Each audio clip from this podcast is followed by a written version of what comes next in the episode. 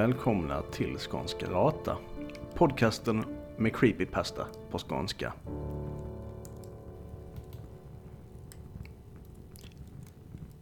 När jag kom hem den kvällen hade ett tjockt brunt kuvert klämts fast i brevlådan.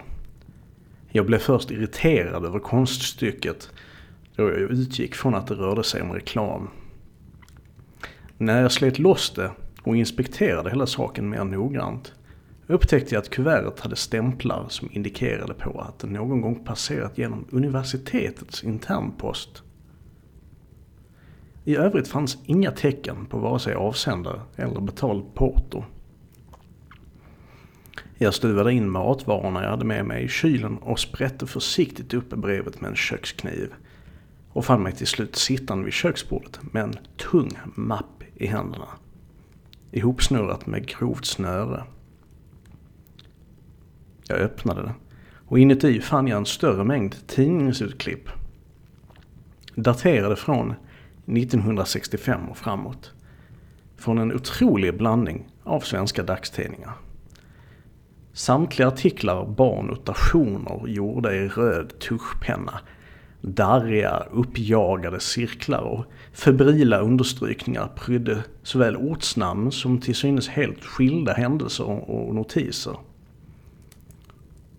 Under denna härva av nyhetsartiklar fanns en lunta hålslagna dokument med ett enkelt maskinskrivet försättsblad som kort och enkelt löd Billeberga-manuskriptet.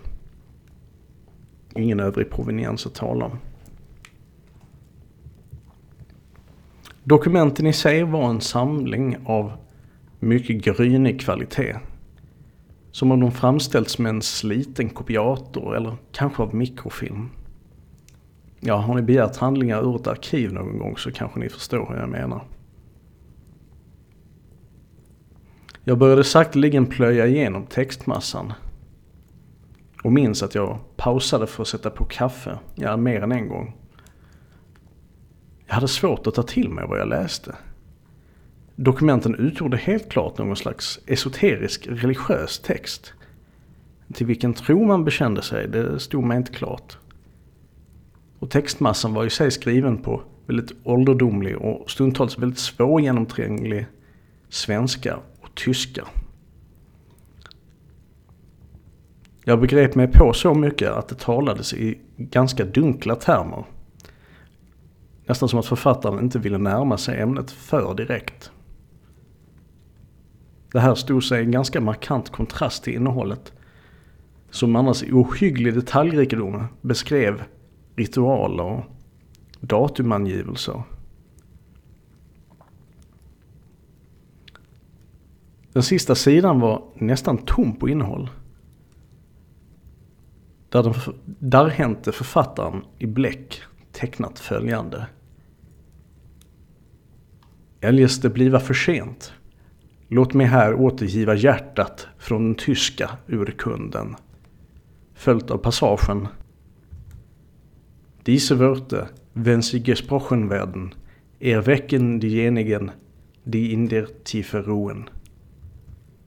Följt av märkliga skrivtecken som jag inte kände igen. Jag läste dem igen och igen. I ett försök att tyda dem på mening. Jag sov väldigt oroligt den natten och jag vaknade kallsvettig flera gånger. När jag väl gick upp på morgonen så försökte jag mig åter på att dechiffrera textens sanna innebörd. Jag hade då feber, hög feber.